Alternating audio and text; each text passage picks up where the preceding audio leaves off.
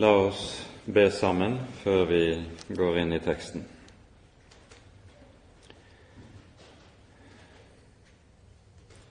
Kjære gode Herre, hellige Gud og Far.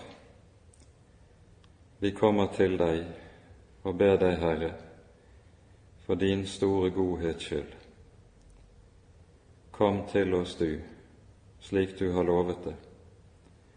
Send din Hellige Ånd for at vi må kjenne Jesus, få lov til å se hva vi eier i ham, og at vi kan få lov til å smelte sammen med ham i troen, med alt hva det innebærer. Herre, du ser de mange ting som drar sinnet vårt i alle retninger. Kom, Herre, du. Gjør oss stille for deg og for dine ord, for at du, Herre, på rette måten kan få oss i tale, både til tukt og til trøst. Herre, kom til oss, du. Det ber vi for Jesus skyld. Amen.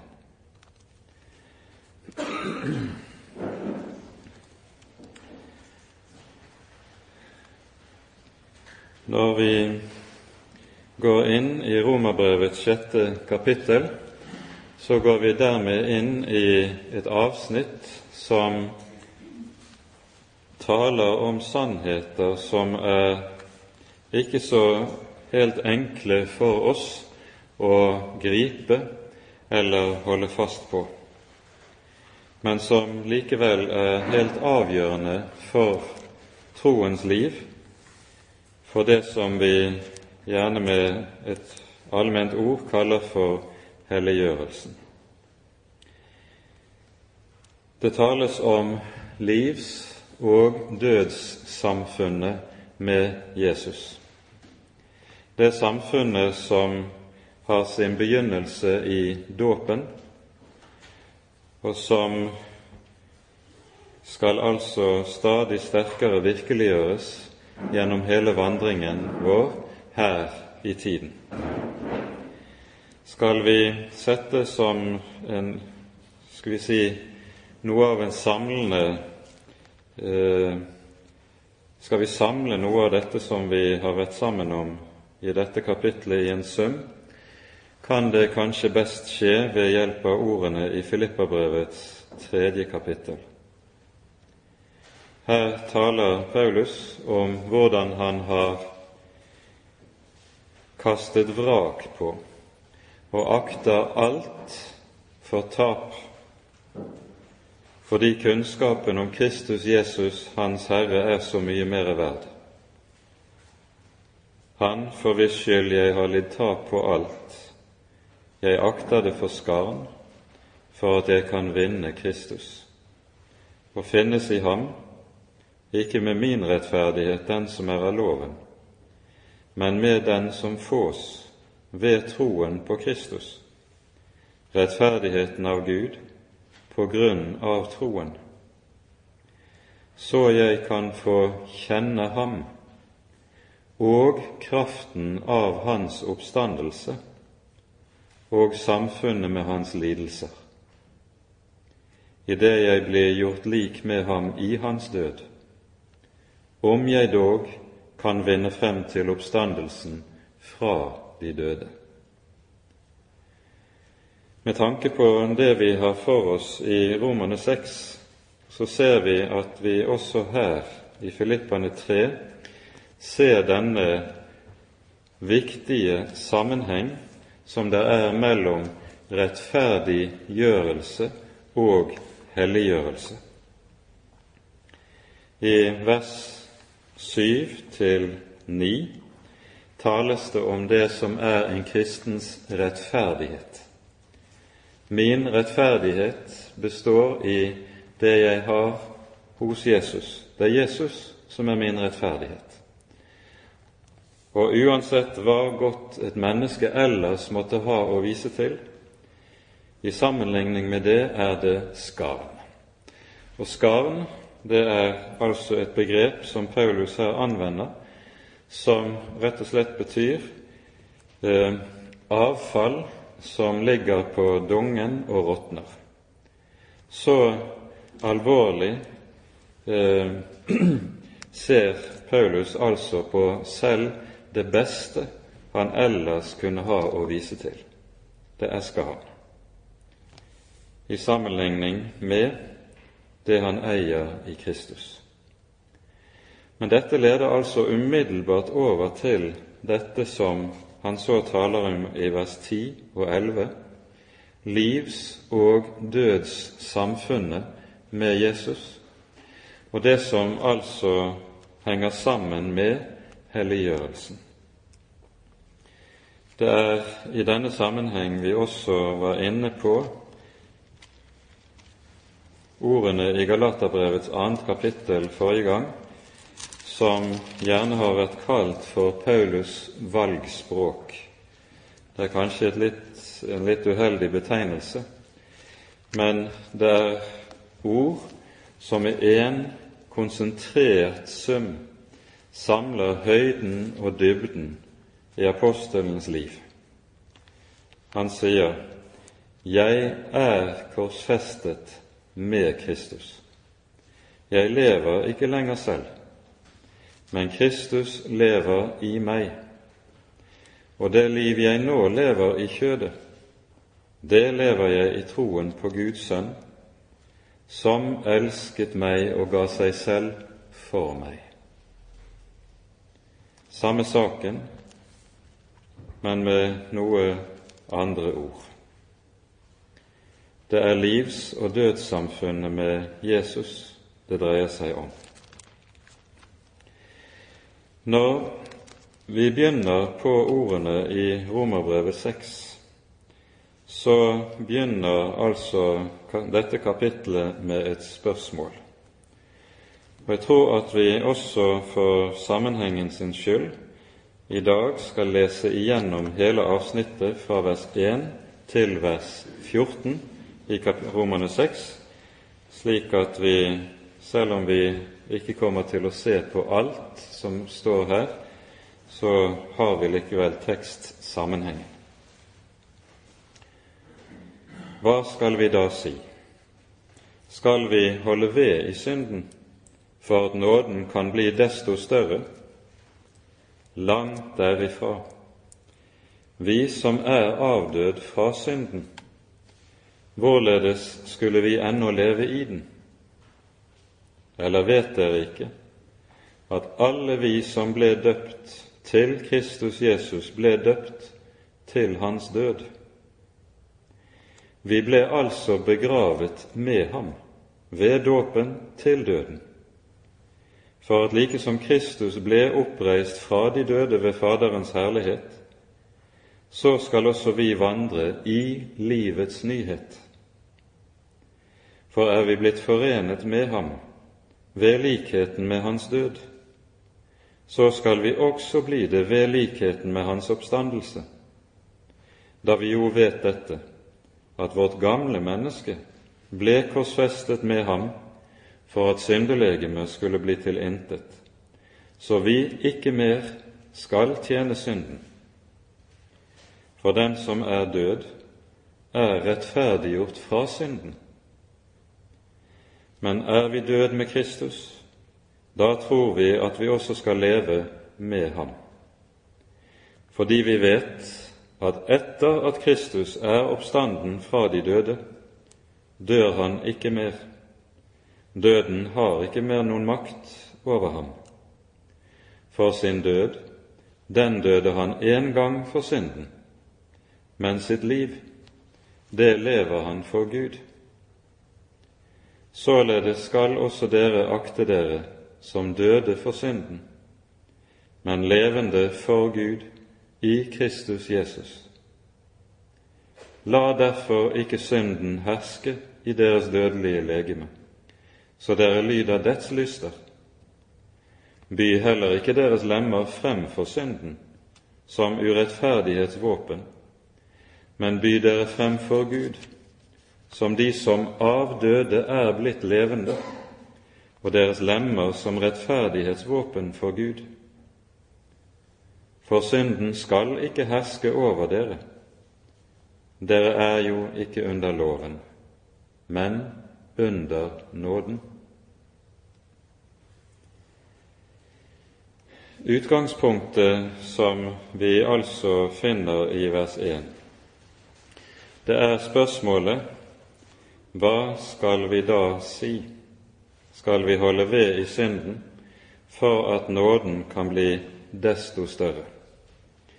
Vi var inne på dette forrige gang, hvorledes dette er et spørsmål som apostelen har møtt flere ganger eh, på grunn av sin evangelieforkynnelse.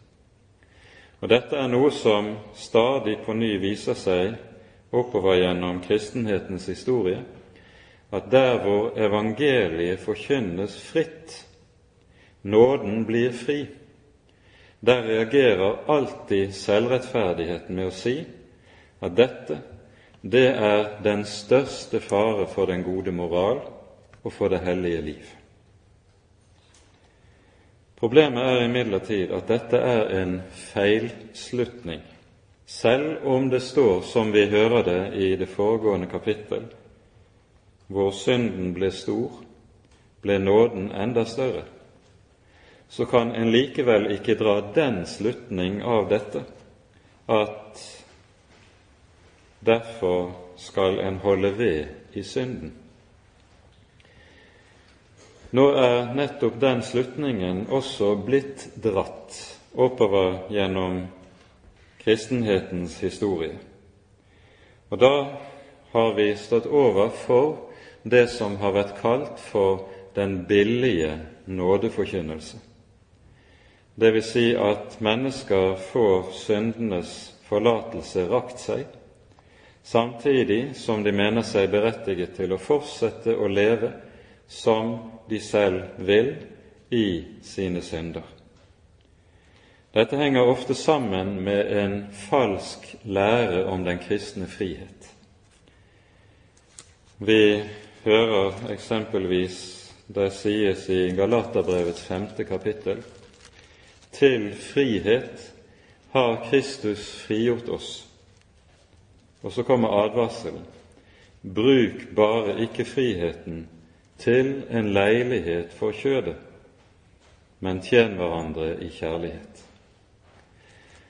Altså, når Paulus taler om den kristne frihet, så taler han jo om hvorledes Jesus ved sin død har fridd oss fra loven, fra lovens herredømme og fra den trelldom som loven hensetter et menneske i. I det foregående kapittelet i Galaterbrevet hører vi det står slik Da tidens fylde kom, utsendte Gud sin sønn, født av en kvinne født under loven, for at han skulle kjøpe dem fri som var under loven, så vi skulle få barnekår. Ja, hvis vi ikke er under loven, da kan vi jo gjøre som vi selv vil. Slik drar den naturlige menneskelige fornuft slutninger som de kan, den kan synes er logiske, men som likevel er rakt i strid med det som er nådens vesen og nådens natur. Og det er det Paulus taler om. Vi hører også i 2. Peters brev om en gruppe vranglærere som kom til å tre frem i Kirken, som det står at de ved usedelighet og kjøds lyster bedrar dem som er eh, har nettopp vendt om, altså er nye i troen, i det de lover dem frihet. De som selv er vannartens treller, føyes det så til. Det er en falsk forkynnelse av den kristne frihet som tillater mennesket å ta det lettvint med synd. Tvert om er det slik at der nåden får lov til å være det den er gitt som, der vil den i stedet føre til at synden hates. I Salme 97 leser vi i et vers henimot slutten Dere som elsker Herren, hat det onde. Og nettopp dette hat mot det onde, det er et hat som retter seg mot det onde i eget bryst. Det hører sammen med et rett liv i Herren. Poenget er nå at når Paulus taler som han gjør i Romerbrevets sjette kapittel, så er det han vil lære menighetene, det er at han vil vise hvordan helliggjørelse og rettferdiggjørelse henger uløselig sammen. Og der poenget er at Jesu kors og Jesu død og oppstandelse det er det som er nøkkelen i begge deler. Nøkkelen både i rettferdiggjørelsen og i helliggjørelsen. En kan godt sammenfatte det slik at gjennom Jesu kors så fris vi fra for det første syndens skyld, det er rettferdiggjørelsen. Og dernest for det andre fra syndens herredømme, det er helliggjørelsen. Og det er det som vi hører om i Romane 6. Det vi skal legge merke til både her i kapittel 6 og 7, vi skal komme tilbake til det, det er hvor ofte apostelen bruker uttrykket 'herske'. Synden skal ikke mere herske over dere. Tankegangen er som følger synden er fortsatt i og bor fortsatt i en kristens bryst. Men i Kristus er jeg kommet i et helt nytt forhold til synden som bor i meg, slik at den ikke lenger hersker. Det er i stedet Kristus som skal herske over den. Dette er språkbruken som Paulus anvender her, og vi kan ganske kort bare peke på det som står i vers 6 i denne sammenheng. Når det står på denne måten Vi vet dette, at vårt gamle menneske ble korsfestet med ham for at syndelegemet skulle bli til intet, så vi ikke mer skal tjene synden. Så eh, denne oversettelsen den kan lede tanken i retning av at syndelegemet blir tilintetgjort, altså som om det skulle innebære at det fortsatt ikke, at det ikke lenger fantes eller var til stede hos oss.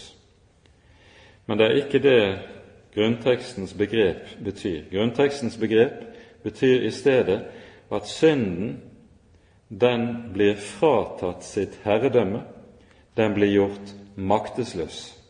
Den erklæres så å si død og maktesløs i det vi forenes med Kristi kors. Det er det som ligger i grunntekstens måte å uttrykke seg på.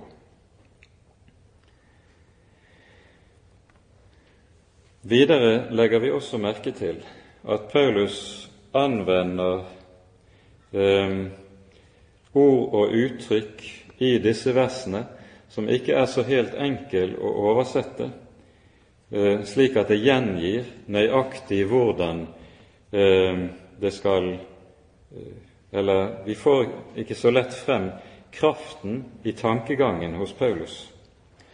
Fordi det Paulus gjør, det er at han konstruerer nye ord som ikke finnes i det sekulære greske språk. For det første så hører vi i vers 4 vi ble altså begravet med ham. Grunntekstens ord er bokstavelig vi ble sammenbegravet med ham. Altså begrepet hos Paulus er det at i dette så forenes vi, vi føyes sammen med Kristus på en slik måte at det så å si blir ett. Vi blir sammenbegravet med ham. På samme måte hører vi i vers 5 han lager et nytt ord. Når det står oversatt hos oss 'vi er blitt forenet med ham', så står det i grunnteksten 'vi er sammen vokset, sammenimpodet med ham', betyr det bokstavelig. Og i vers 6 så står det 'vi er sammenkorsfestet med ham', også i ett ord. Og i vers 8 vi er sammen oppstanden med Han. Altså han lager nye ord som alle sammen har dette som sin hensikt å understreke denne forening med Kristus. Det er ikke godt å oversette dette slik at det blir naturlig og god norsk språkføring, men dette er altså noe av poenget med det vi hører i grunnteksten. Det er altså tale om en forening med Jesus, et livs- og dødssamfunn med ham, som innebærer at det som gjelder Jesus i hans død og oppstandelse, det gjelder også deg og meg. Derfor gjelder det om det nye mennesket. Det kan ikke synde, fordi Kristus ikke kan synde. Du er nemlig forenet med ham. Og Her møter vi en tankegang som dukker opp igjen gjentatte ganger på ulike vis i Det nye testamentet. Og vi skal peke på noen sentrale vers som taler nettopp om dette. Først første eksempel fra 1. Korinterbrev kapittel 6, vers 15 til 17.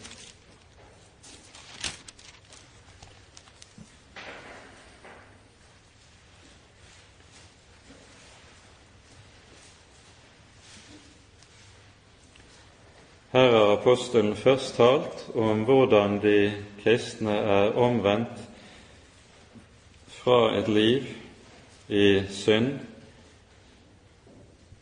og så advarer han dem mot å falle tilbake i dette. Og det som han særlig advarer mot, det er synd mot det sjette bud, som var en meget, meget eh, stor fristelse og nærliggende fare for eh, hedningekristne. Romerriket var jo beryktet nettopp for sin løsaktighet på det seksuelle området, og her møter vi et trekk som er ganske likt det vi ser i vår egen tid. Men nå skal vi legge merke til hvordan Paulus taler om det kristne livet i dette avsnittet.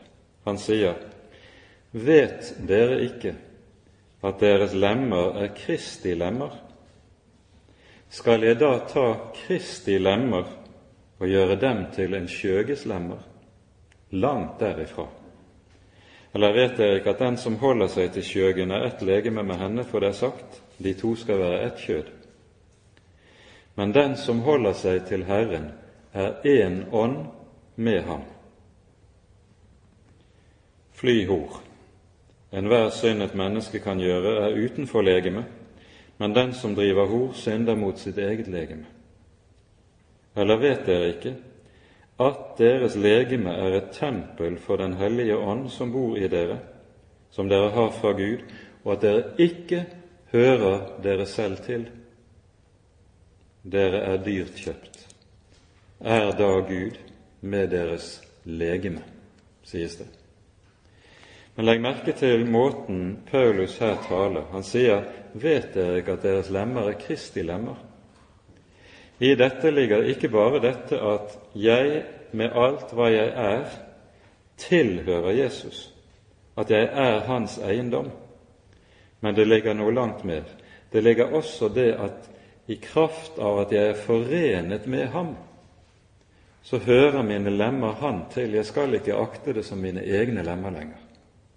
Det er Kristi lemmer. Skal jeg da ta Kristi lemmer og gjøre dem til en skjøges? Det er tankegangen hos apostelen. Vi kan også peke på et annet avsnitt som gir oss noe av den samme grunnsannheten på en litt annen måte.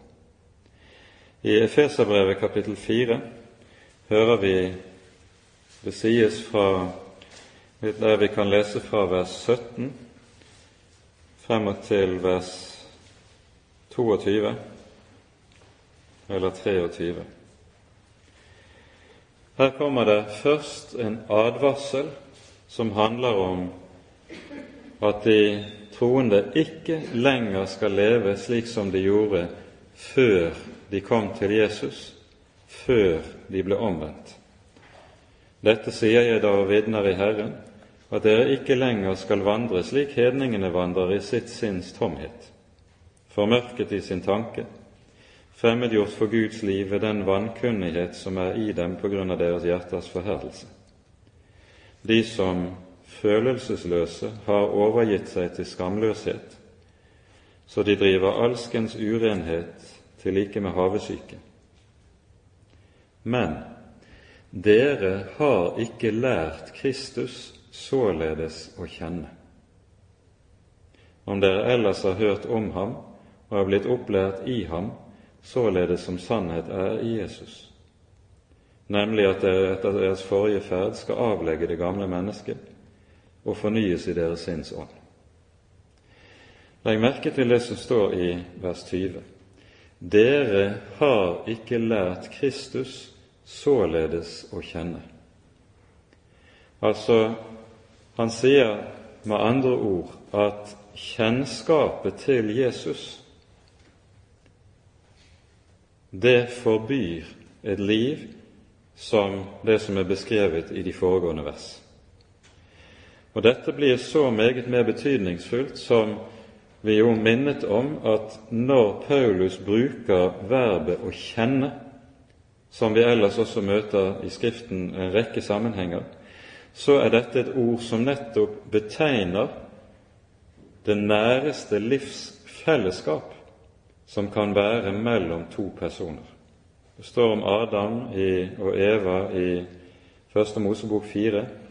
Adam kjente Eva, og hun fødte en sønn og kalte ham Kain.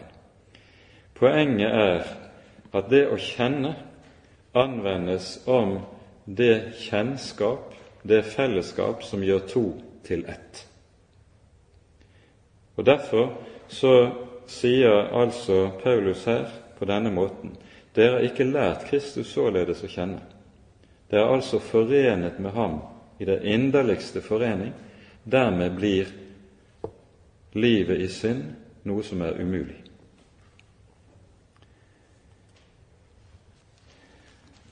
Det som er poenget hos Paulus når vi hører Paulus i vers 2 og i det påfølgende i Romane 6 svarer på denne fordreiningen av hva nåden innebærer gjør, det er at han når han sier 'langt derifra', vi som er avdød fra synden, hvorledes skulle vi ennå kunne leve i den? Ordene 'langt derifra' det er ikke bare et alminnelig uttrykk for indignasjon. I den greske oversettelsen av Det gamle testamentet så møter vi dette uttrykket eh, i noen sammenhenger, eh, både i Første Mosebok og i Josva-boken, og der det oversettes, et, oversettes fra et uttrykk som bokstavelig betyr 'det være forbannet for meg'. Det er et veldig sterkt uttrykk i Bibelens grunntekst. Og vi forstår at det er dette som også Paulus vil ha frem i dette. Det er et dypt alvor over det at en kristen skulle bli likegyldig i forhold til helliggjørelsen. Om dette taler, tales det også tungt en rekke tekster i Det nye testamentet. Og La meg peke på bare ett avsnitt eh, første Tessalonikerbrev kapittel fire.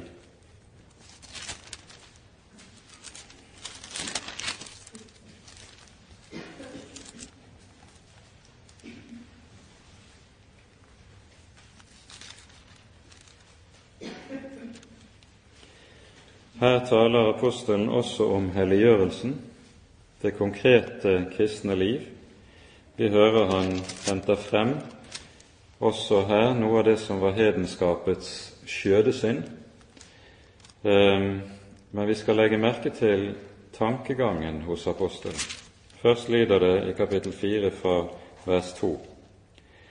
Dere vet jo hvilke bud vi ga dere ved den Herre Jesus.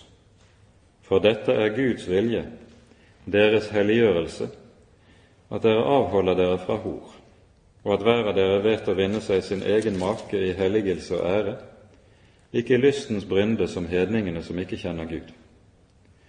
At ingen skal gjøre sin bror urett eller uskjell i det han har å gjøre med ham, for Herren er en hevner over alt dette. Således som vi også forut har sagt og vitner for dere. Og så kommer det For Gud kalte oss ikke til urenhet, men til helliggjørelse.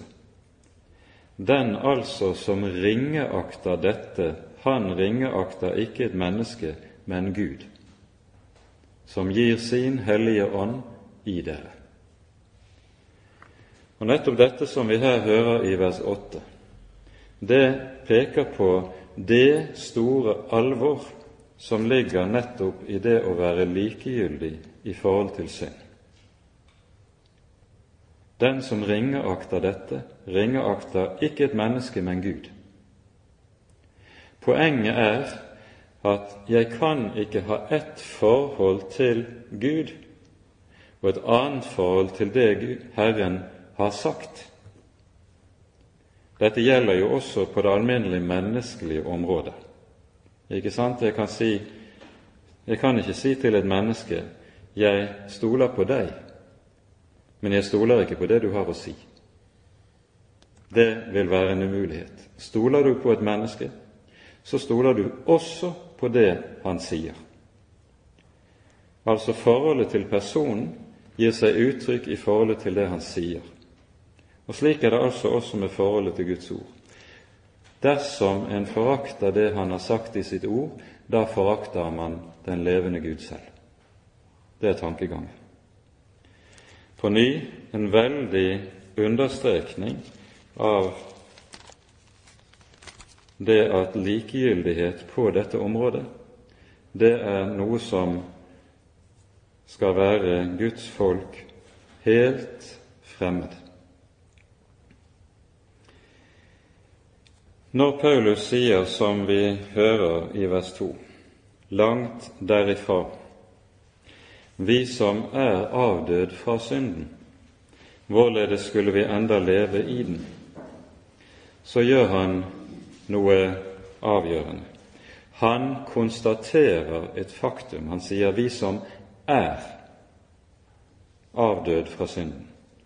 Han sier ikke 'vi som skal avdød eller avdø fra synden. Han sier ikke 'vi som bør avdø fra synden', men han sier 'vi som er'. Han konstaterer et faktum. Og det er dette faktum som utlegges i de følgende vers, fra vers 3 til vers 11. Det er tankegangen. Vi som er avdød fra synden, hvordan kunne vi selv leve i den? Og Da er tankegangen i dette noe som vi møter igjen stadig, også i Jesu undervisning. Det er jo slik i evangeliene at det er noen ord fra Jesu munn som vi møter hyppigere enn andre. Og Dette eh, gjelder ikke minst det vi hører i Johannes 12, 25. Her sier Jesus den som elsker sitt liv, mister det. Den som hater sitt liv i denne verden, skal bevare det til evig liv. Den som tar opp sitt kors og følger etter meg, han er min disippel. Men den som altså ikke gjør det, vi vet hva han sier om det. Poenget er, når Jesus uttrykker seg på denne måten, som vi hører her i Johannes 12, den som elsker sitt liv, så er ordene 'sitt liv' det betyr egentlig 'sitt selv'. Det er altså selv livet som skal til livs. Det er selv livet som skal dø. Det er selve vårt som dør med Kristus på korset. Og alt, alle ord som vi altså kan sette egen eller selv foran, det hører med i dette. Egen vilje, egen interesse, egen nytte, egen rådighet eller selvopptatthet, selvbevissthet, selviskhet, selvrettferdighet, selvhevdelse, selvfølelse, selvtilfredshet, selvtillit. Alt dette som, med, som ligger oss i blodet fra fallet av, og som gjør at vi knytter alt rundt vårt eget selvliv og stadig kretser om oss selv.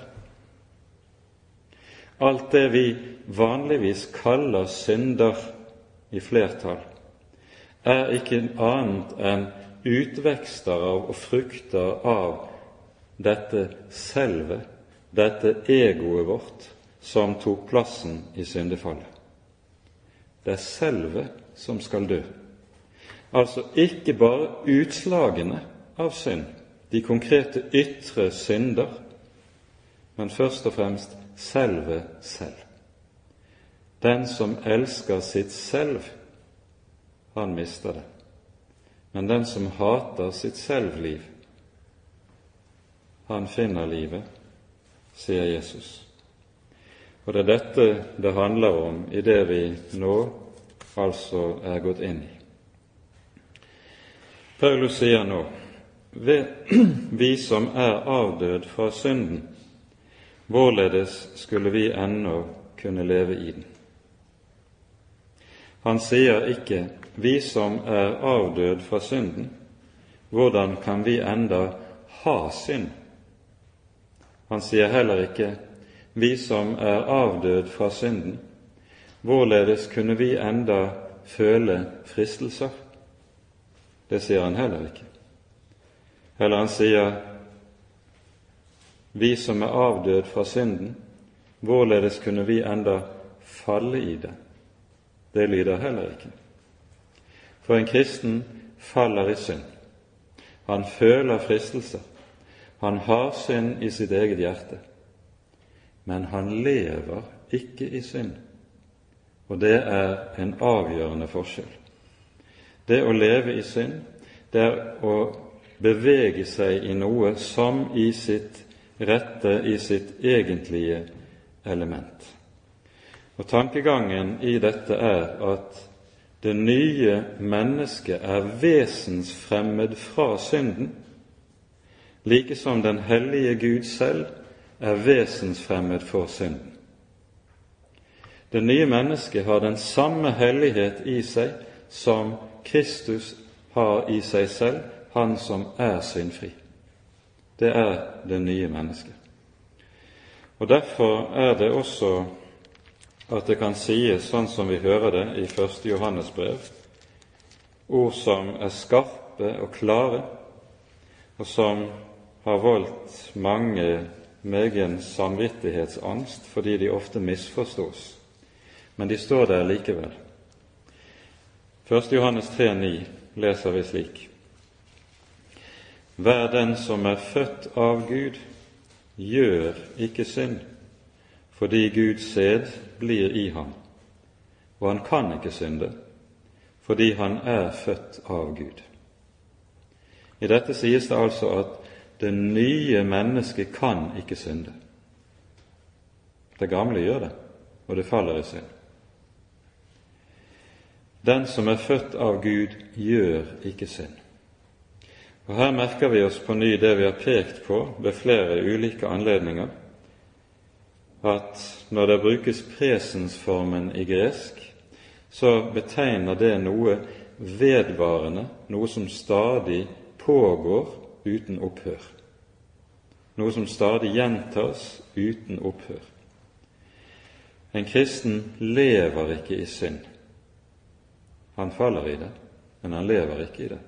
For hans element er et annet. Han lever i Kristus. Det er en kristens kjennetegn. Og at apostelen Johannes her ikke lærer noe som helst form for syndfrihet eh, hos kristne mennesker, det ser vi av det som står i kapittel 1 i 1. Johannes brev, der det står slik i vers 8 og vers 10. I 8 leser vi dersom vi sier at vi ikke har synd, da dårer vi oss selv, og sannheten er ikke i oss. Ja, synden har vi. Den bor i våre hjerter, og vi skal aldri innbille oss noe annet. Dernest, vers 10, dersom vi sier at vi ikke har syndet, altså her tales det om gjerningssynd, da gjør vi ham til en løgner, og hans ord er ikke i oss. Vi forstår tankegangen. Der, ingen, det er ingen syndfrihetslære i dette, noen drøm om at en kristen kan bli syndfri. Men samtidig så lærer apostelen meget tydelig dette. Det nye mennesket, det er vesensfremmed i forhold til synd, like som Kristus er vesensfremmed i forhold til synden. Derfor blir det store spørsmålet for all, for hvert enkelt menneske er du født på ny? Er jeg født på ny? Vi hørte det lød fra Johannes. Det står at Guds sæd blir i ham. Dette er et uttrykk for det som kalles for gjenfødelsen. Og hva denne Guds sæd er, det sies veldig tydelig i 1. Peters brev kapittel 1, vers 23. Det står kan lese vers 22 og 23. Rens deres sjeler i lydighet mot sannheten, til uskrømtet, det betyr uhyklet, broderkjærlighet, og elsk hverandre inderlig og av hjertet dere som er gjenfødt, ikke av forgjengelig, men uforgjengelig sæd, nemlig ved Guds ord, som lever og blir. Altså, ordet i evangeliet er det ord som skaper det nye livet, som føder et menneske på ny. Og det er dette det dreier seg om her i denne sammenheng. Når vi hører uttrykket som vi leser i vers 2 i Romane 6, langt derifra, vi som er avdød fra synden, hvorledes skulle vi ennå leve i den? Så møter vi i dette en skarp advarsel mot det som har vært kalt for Kains religiøsiteten. Hva er det for noe? Den er beskrevet stadig gjennom Den hellige skrift, og vi møter den eksempelvis i et veldig kraftfullt avsnitt i Jeremia-bokens syvende kapittel. Her beskrives det som er folkets religiøse liv på Jeremias tid, og vi hører kapittel 7 hos Jeremia fra vers 8 til vers 11.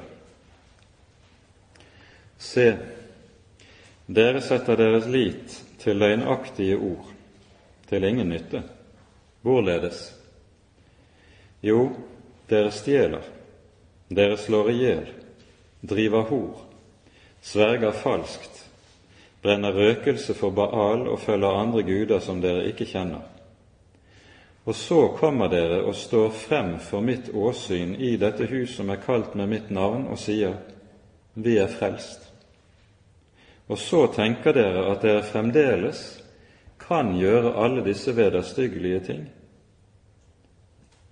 Er da dette hus, som er kalt med mitt navn, blitt en røverhule i deres øyne? Se, også jeg har sett det, sier Herren. Det er kraftfull tale. Men det peker altså på dette at man kan ikke forene det å leve i synd og samtidig komme i Guds hus og si 'vi er frelst'. Et sant liv med Herren, det hører sammen med, uløselig sammen med, omvendelse fra synd.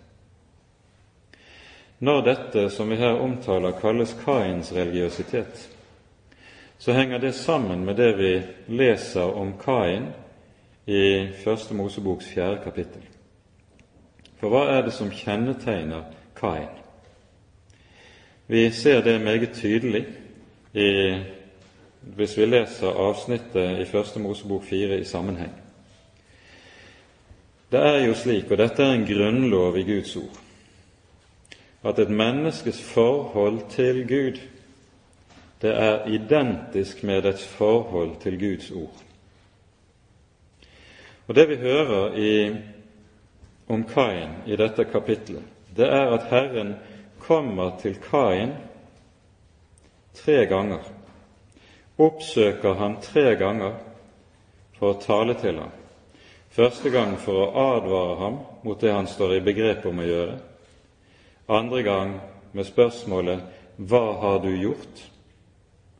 Og tredje gang, når Kain ikke lytter til det heller, så kommer et dommens ord over ham, som han også viser fra seg. Poenget er at vi ser hvordan Kain viser fra seg Guds tiltale på ny og på ny og på ny. Men likevel så ofrer Kain til Gud. Du ser altså en religiøsitet som ofrer til Gud, som ber og tilber Gud, og samtidig ikke vil la seg irettesette av Guds ord. Det er altså det samme som vi møter igjen i Jeremias 7. Og Det er derfor dette kalles for Kains religiøsiteten. Det er mennesker som altså sier om seg selv 'vi er frelst', og samtidig lever i og lever ut det som Gud klart forbyr i sitt hellige ord.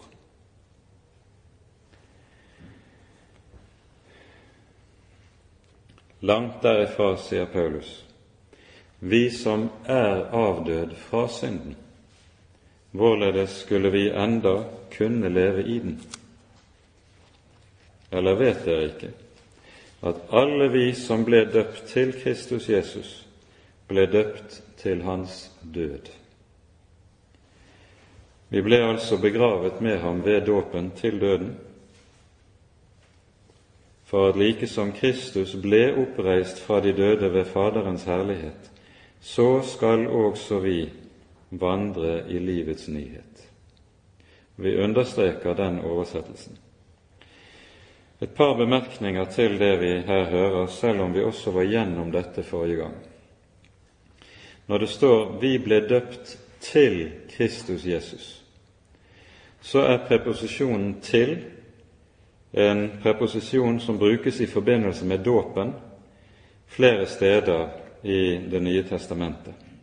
I Galaterne 3,27 så sies det alle som er døpt til Kristus, har ikledd seg Kristus. Og i Matteusevangeliet 28, der vi hører dåpsbefalingen, så står det Gå ut i all verden og gjør alle folkeslag til disipler i det dere døper dem til Faderens, Sønnens og Den hellige ånds navn. Poenget med preposisjonen 'til' det er at betydningen av denne er at når du døpes til, så blir du hans eiendom som du er døpt til. Å være døpt til Kristus betyr at du dermed er døpt til at Jesus skal være din Herre. Du tilhører ham med hud og hår, for å si det slik. Og Det å være døpt til Kristus er altså å være døpt til hans død. En kristen tilhører ikke seg selv. Og så kommer altså det avsnittet som vi har talt en del om allerede, der det beskrives, der tales om foreningen med Kristus i hans død og i hans oppstandelse.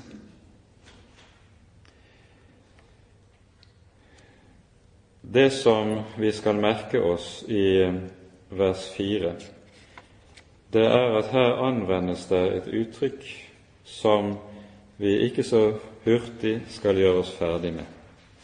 Det står vi ble altså sammenbegravet med ham ved dåpen til døden for at likesom Kristus ble oppreist fra de døde ved Faderens herlighet, så skal vi vandre i et nytt levnet. Poenget her er ordet 'likesom'. Det er et uhyre betydningsfullt ord i Det nye testamentet. Du skal legge merke til dette ordet når det knytter sammen Herren Jesus selv og hans venner, hans disipler.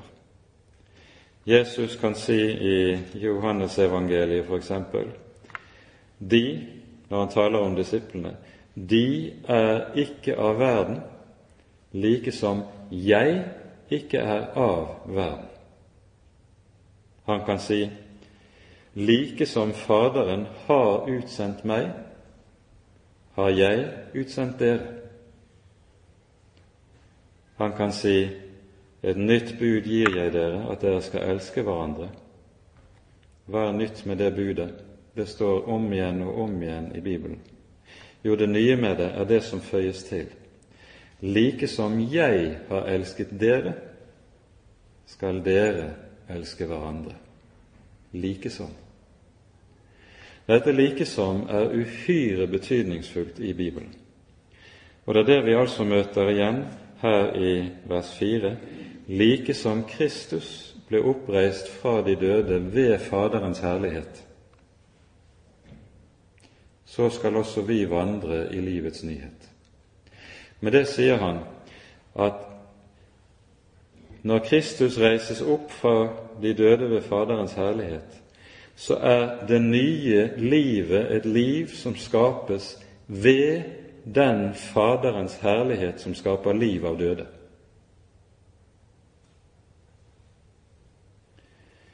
Og Det setter helliggjørelsen i et meget viktig perspektiv. For det lærer oss at helliggjørelse er ikke selvforbedring. Det er at det blir liv av døde. Helliggjørelsen er ikke selvutvikling. Og særlig dette er noe som er viktig å være klar over i våre dager. Det kommer en strøm av bøker, bokutgivelser, som nettopp taler om kristelig selvutvikling. Vi hører, og her ligger det ikke minst bak, en høy grad av påvirkning fra katolsk tenkning for å nevne eksempel eh, Det er kanskje en del av dere som har vært borti bøkene til Peter Halldorf, som henter frem hvordan ørkenfedrene taler om det kristne livet og det kristne livets vekst og utvikling. Her forstås nettopp det kristne livet som selvutvikling og selvbearbeidelse. Det er meget fremmed fra apostelens tenkning, slik som vi møter det her, var det i stedet tale om å korsfestes med Kristus og å oppstå med Kristus. Det er en helt annen verden vi er inne i. Paradoksale er at disse bøkene utgis på Luther forlag. De skulle vel helst vært gitt ut på et annet forlag. Det er en mengde tilsvarende bøker som kommer med det samme tematikk og grunninnhold. Og dette ligger jo oppe i tiden. Hvis du går til nyreligiøsiteten, så handler det om samme sak. Det handler om selvutvikling. Men Det nye testamentets tenkning er altså fundamentalt annerledes. Og det er viktig for ikke å bli forvirret i møte mye, med mye av dette som vi står overfor i dag, at en er klar over denne forskjell.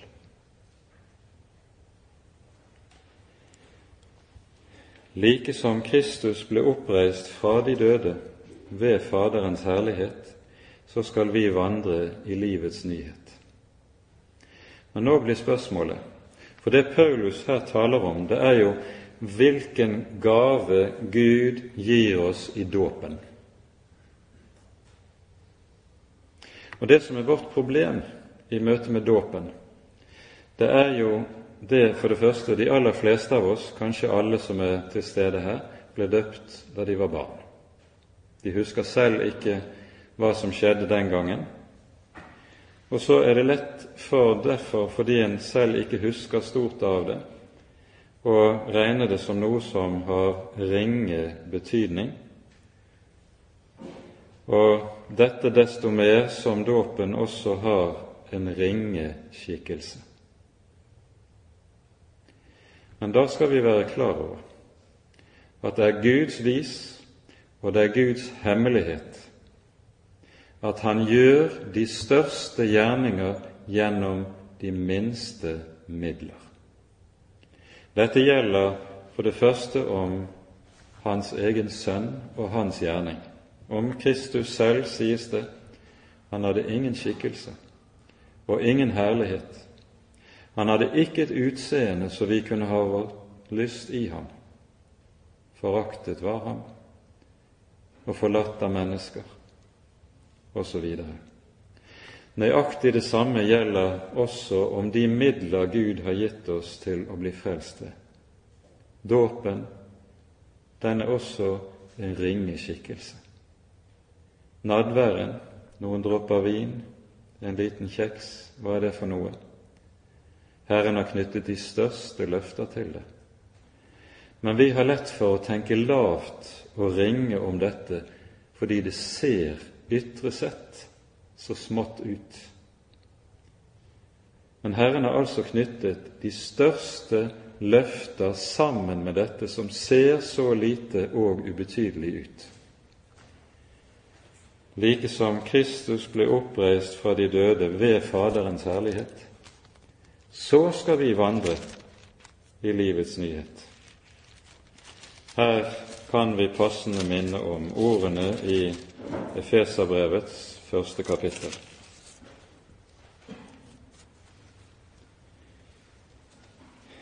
Det er Paulus som ber for menigheten, og så sier han han ber om følgende at vår Unnskyld, Efeserne 1 fra vers 17.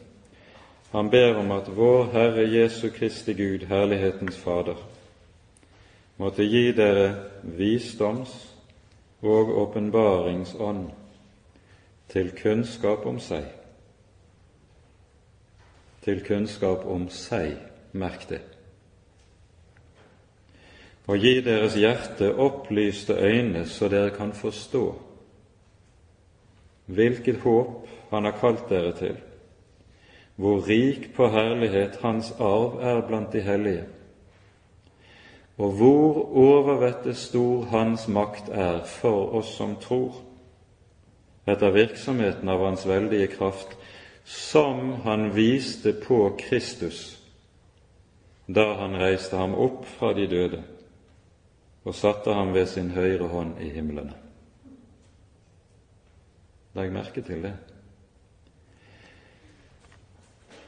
Apostelen ber om at vi skal se og erkjenne og forstå hvor rik på herlighet, hvor stor hans makt er for oss som tror. Han ble oppreist ved Faderens herlighet, og så skal vi like som han, som denne oppvekkelse, vandre i livets nyhet. Poenget er, når det taler om livets nyhet, det er et uttrykk som betegner at det kristne livet det er et kvalitativt nytt liv. Det er ikke en betegnelse på en ny levemåte, en ny livsstil. At når du blir en kristen, så endrer du livsstil. Det gjør man jo for så vidt også, men det er ikke det det kristne livet er. Nei, det kristne livet består i å få et kvalitativt nytt liv som er samfunnslivet med Kristi oppstandelse. Det Kristi oppstandelsesliv som utfolder seg i og gjennom en kristen. Det er tankegangen hos apostelen. Og Derfor brukes altså ordet her å vandre. Og Det er det siste vi skal peke på før vi setter punktum.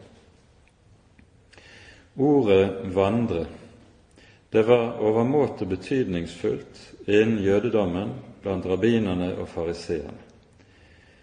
Det teologiske uttrykket for dette var halacha, som betyr nettopp vandring.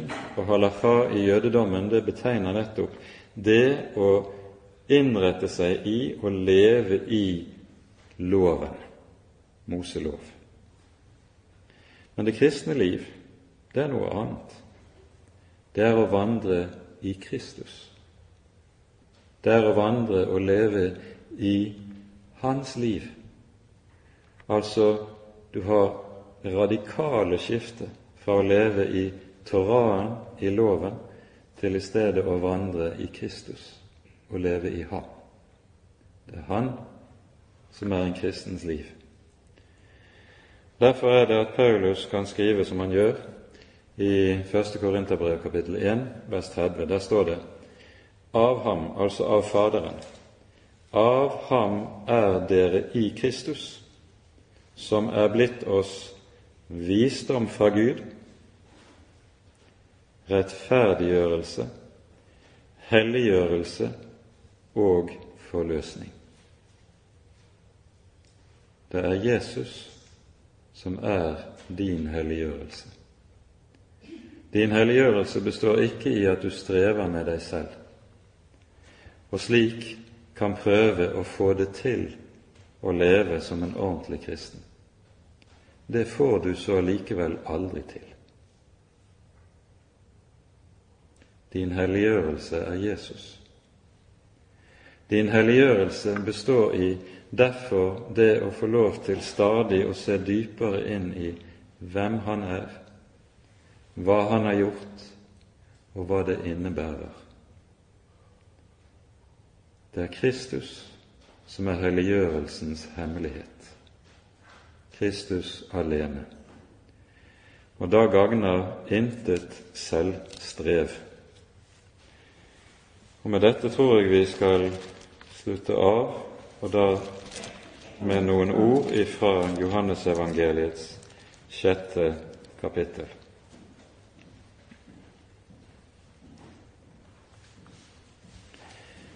Vi leser Johannes 6, vers 54 til 57.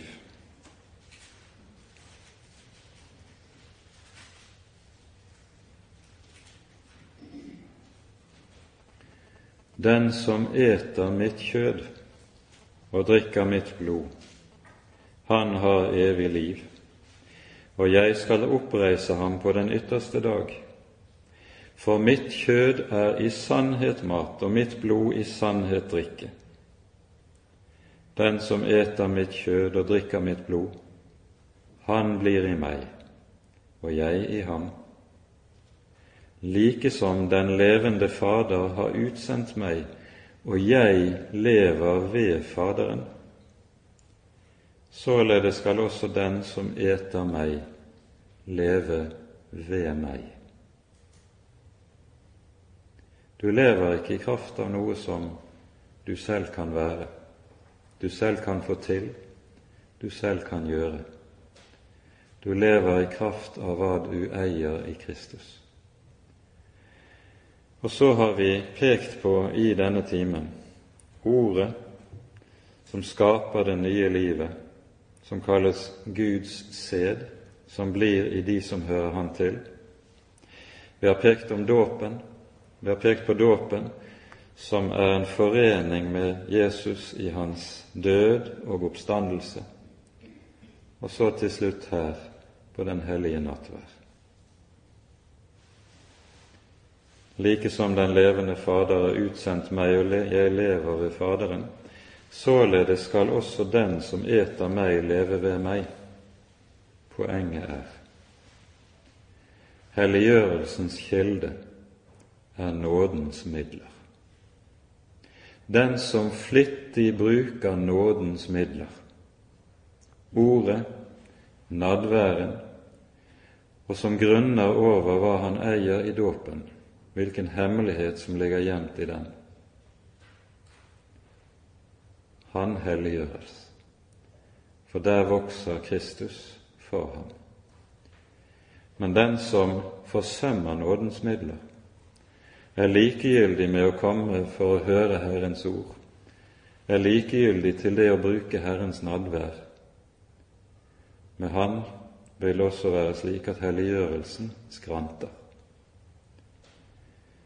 For det er gjennom nådens midler Herren kommer til oss, ikke på noen annen måte. Således skal også den som eter meg, leve ved meg, sier Jesus. Ved meg. Ære være Faderen og Sønnen og Den hellige ånd, som var og er og være skal en sann Gud, høylovet i evighet. Amen.